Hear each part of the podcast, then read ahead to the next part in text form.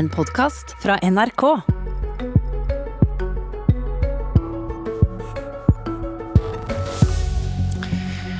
Han som hadde Høyres fremste posisjon i hovedstaden, var plutselig en elendig leder, sa et flertall i gruppa hans. I går trakk Øystein Sundelin seg. Hva handler dette om, spør Politisk kvarter. Og regjeringa utgreier portforbud. Et slikt forbud er å sette folk i fengsel hjemme, sier Trine Skei Grande. Den tidligere venstrelederen, som altså satt i regjeringa fram til den dagen Norge stengte. Men vi begynner i Oslo-politikken og spør oss hvor stort problemet til regjeringspartiet Høyre er. For landets største by var i mange år en Høyre-by, og mange vil huske Høyre-ledere i byen som Fabian Stang og kanskje Erling Lae. Men etter valget i 2015 har Høyre vært i skuggene, og hovedstaden styrt av Aps Raymond Johansen sammen med SV og MDG. Og mange vil nok kanskje ikke kunne svare på hvem som har hatt de fremste posisjonene for Høyre. Men fredag ga iallfall partiet lyd fra seg. Et flertall i bystyregruppa gjorde et mistillitsforslag kjent i media, og foreslo at han som var leder for bystyregruppa, Øystein Sundelin, måtte gå av.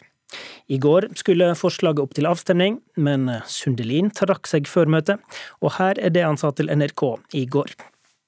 Jeg tar nå et steg til side, slik at Oslo Høyre kan komme bedre ut av dette. Ja, hvordan kan de komme bedre ut ved at du trekker deg? For da stopper diskusjonen som handler om gruppeledervervet, og vi kan legge de harde frontene bak oss.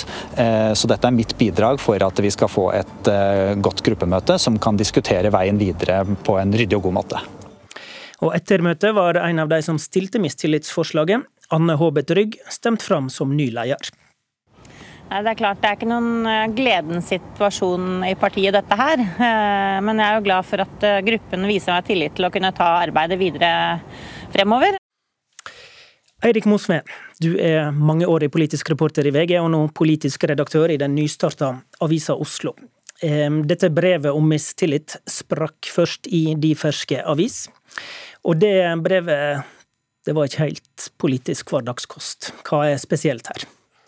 Nei, Jeg stilte jo spørsmål om dette var et uh, politisk selvmordsforsøk fra Høyre. For det virka jo som det kom som lyn fra klar himmel uh, på hele det politiske miljøet. For så vidt også på Høyre selv, og det syns jeg reaksjonene gjennom helga og alt etterpå tyder på at det også var.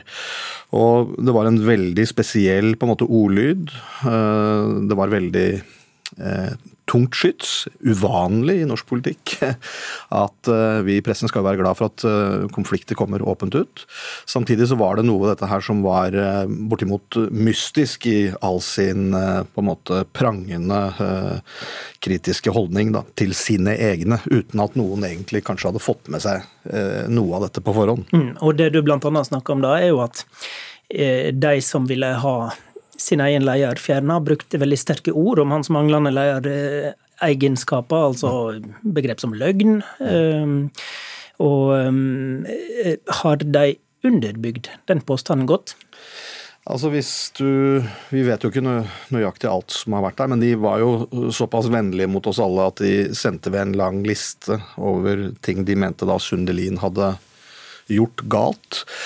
Det var litt vanskelig å se at det var noe sammenheng mellom forbrytelse og straff der, når man så på den lista over ting de mente han hadde gjort galt. Så var det noe med ordbruken som ja, ikke harmonerte helt med det, og det reaksjonene fra f.eks. Oslo Høyres leder i, i, går også tyder jo på at uh, de fleste syns at dette var relativt Da snakker du om lederen i fylkeslaget, Heidi Nordby Lunde. Det er korrekt. Ja. Og uh, ja, det tyder på at heller ikke der man var kanskje helt forberedt på at man brukte denne type ord. Da. Hun fikk visst ikke vite om dette før fredag morgen.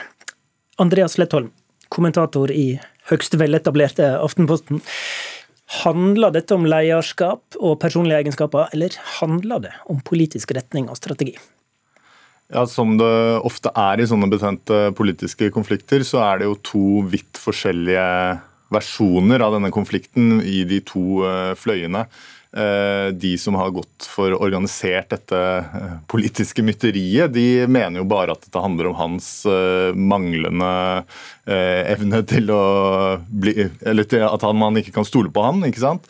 Mens eh, mange av de som da stemte mot denne flertalls... Eller stemte blankt i denne flertallsinnstillingen i, i går, eh, de har nok en analyse som går mye mer på at dette er en eh, Eller dette i hvert fall også er en sånn politisk, strategisk eh, kamp internt i Høyre. Det var elleve som stemte blankt eh, i går.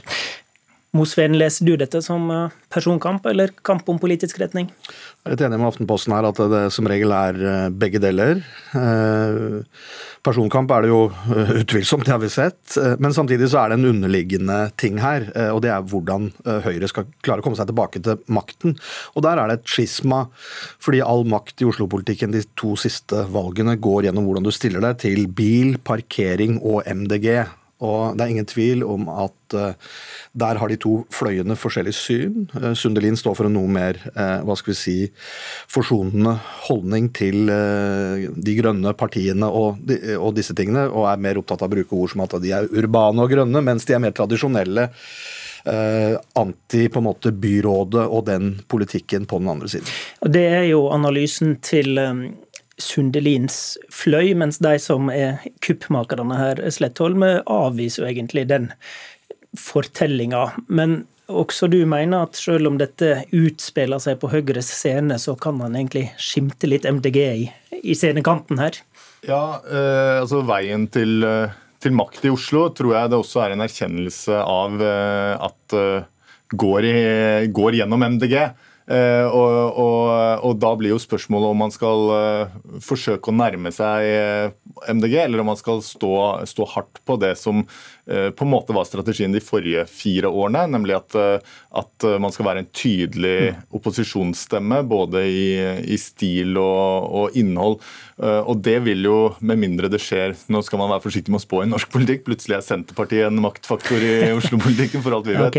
Men, men, det er klart at dette er en viktig strategisk diskusjon for partiet. Altså Skal Høyre styre byen, så må de forholde seg til det ganske store MDG? Ja, i hvert fall når da Venstre også, jo som var i sonderinger med, med dette byrådet, også beveger seg den veien, så blir det egentlig et spørsmål skal man stå på siden sammen med eh, Fremskrittspartiet og kanskje Bompengepartiet, eller, eller skal man inn til sentrum? Mm.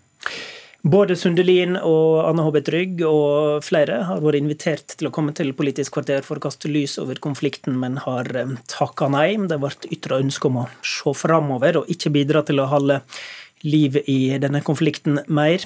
Eh, I hva grad klarer de å rydde dette av veien nå, Mosveen? Ja, Det er ikke så lett å spå om det, men jeg syns det eh, er ganske talende da, at eh, ingen, eh, etter å ha stelt i stand alt dette, så er det ingen som ser seg tjent med å komme hit og diskutere det, eller komme andre steder og diskutere det.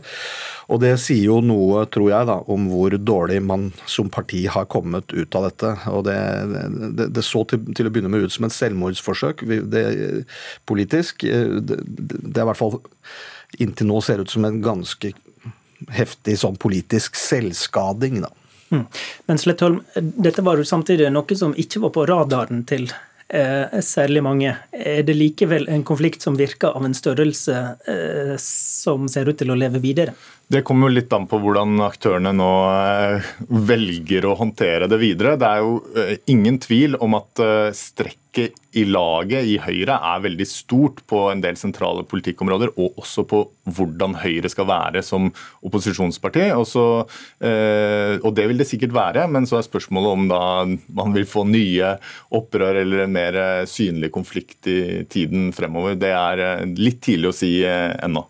Hvis vi hever blikket litt, så er forholdene i noen av storbyene her i landet veldig annerledes enn i rikspolitikken. Erna har styrt landet i snart åtte år, men i Oslo så har Ap snart styrt i seks år, og like før jul ble lederen i Oslo Frp ekskludert, og fylkeslaget satt under administrasjon. Hvordan står det egentlig til med borgerlig side i hovedstaden? Nei, det hadde vel litt uh, høye odds å sette penger på at Venstre skulle være det partiet med minst uh, intern konflikt på borgerlig side i, i Oslo. Eh, det, men, det blir vår neste gjest glad for å høre. Ja. ja men.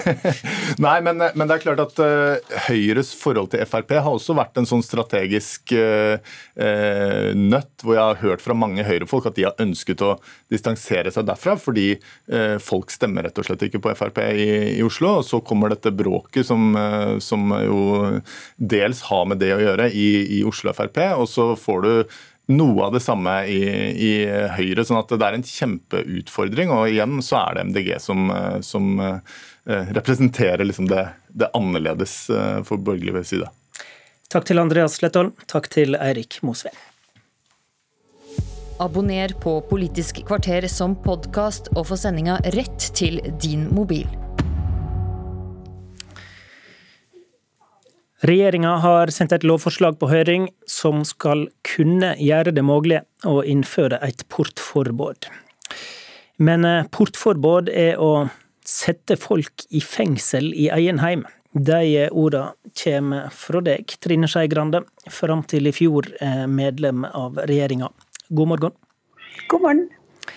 Forklar synspunktet ditt.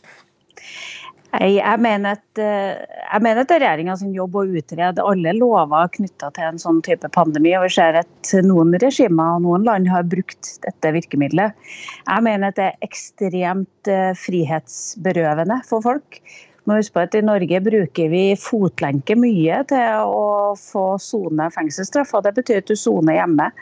Eh, dette å innføre fotlenke på hele det norske folk og si at de ikke får lov til å bevege seg ut av hjemmene sine. Eh, jeg mener at Hvis vi skal bekjempe denne pandemien, så er det én oppskrift som gjelder, og det er tillit. Demokratiet vårt har sett en gullbeholdning er at vi har tillit til hverandre, tillit til fagfolk, tillit til politikere. Prøves, at de i hvert fall prøver så godt de kan. Eh, og at vi har tillit til, til de beskjedene vi får. Og Det har funka veldig bra så langt, og jeg håper at Norge er et land som ikke trenger å bruke portforbud i en pandemisituasjon. Men vil den tilliten du argumenterer med være nok i en ekstremsituasjon? Ja, det er sånn at vi gjennom denne pandemien har gjort de utroligste ting i endringa av livene våre uten at vi har vært redd for politiet. Jeg husker hvor mye vi flira første gangen noen foreslo at vi skulle hilse på hverandre med å dunke armbogene mot hverandre. Jeg husker hvor mye mange av oss savna i starten, inntil vi nå har begynt å venne oss til å klemme hverandre. Det er ikke noe politi som sier at vi skal begynne å hilse på hverandre på den måten der. Men sosiale strukturer, sosiale normer og tilliten er faktisk veldig mye mer verdt enn at politiet skal komme og bestemme hvordan vi skal samhandle med hverandre. Men fordi et portforbud er veldig inngripende, vil det bare være aktuelt i en ekstrem situasjon der andre tiltak ikke er tilstrekkelige. Eh, dette sier jo justisminister Mæland sjøl. Eh, og det er ikke noe mål for regjeringa å innføre dette. Stoler du på det, da? Jeg er helt sikker på at Monica Mæland har det å innføre portforbud i Norge ganske langt ned på lista av ting hun, hun ønsker å gjøre. Og det er regjeringa sin jobb å utrede alle disse, og også ha dette på høring. Så, okay, så, det så, det, så du vil at det skal bli utgreia? Ja, jeg vil at alle sånne ting skal bli utgreia. For nå har, nå har vi hatt en liten wake-up call på hvor, hvor godt lovverket vårt er rigga for alle eventualiteter, sånn som også her. Altså, jeg syns det er bra å sende det på høring. Så, jeg håper bare at når høringa har vært, ja. så håper jeg de legger det i skuffa. Ja. Eh, for jeg, altså, Vi så hvordan kineserne oppførte seg mot egen befolkning. De sveisa igjen ytterdørene til folk eh, for at de ikke skulle komme seg ut. Eh, og bruke i politi og apper. Jeg vil men, men, det vil, det ikke være bedre, vil det ikke være bedre å ha lovgrunnlaget på plass hvis vi må gå til et så alvorlig steg, da? Ja, du må kunne ha et lovgrunnlag om, om portforbud, men jeg håper at pandemi ikke, i hvert fall ikke av den typen vi ser her nå, skal være grunnlag for noe sånt. Fordi at jeg tror at alle de andre tingene funker så mye bedre. Hvis, Tillit funker mye bedre enn politi. Hvis portforbud blir aktuelt, vil du stemme mot? Jeg håper at jeg slipper å ta den. Vil du stemme mot? Det håper jeg at jeg slipper å bestemme. Hva bør Venstres statsråder i regjering gjøre med dette spørsmålet? Jeg håper at de leser alle høringsuttalelser, sånn som f.eks. Folkehelseinstituttet, som har samme mening som meg. Og så håper jeg de kanskje leser Facebook-posten min òg, eh, og at de trykker liker når de skal stemme i regjering. Og nettopp. Så hvis vi kommer til at det blir aktuelt, da bør vi ta dissens her, som Venstre? Jeg vet ikke, om, vet ikke om dette er en stor nok sak for å ta dissens. Det var en stor nok sak til meg å skrive litt om tankene om dette på Facebook. Du brukte ganske store ord, iallfall. Takk for at du var med. I studio i dag, Håvard Grønli. Du har hørt en podkast fra NRK. Hør flere podkaster og din NRK-kanal i appen NRK Radio.